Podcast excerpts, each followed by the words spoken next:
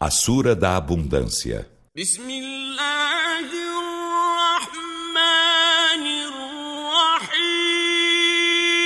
Em nome de Alá, o Misericordioso, o Misericordiador.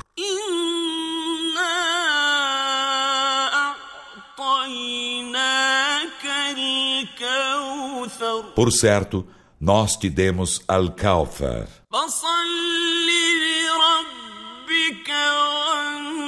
Então ora teu Senhor e mola as oferendas.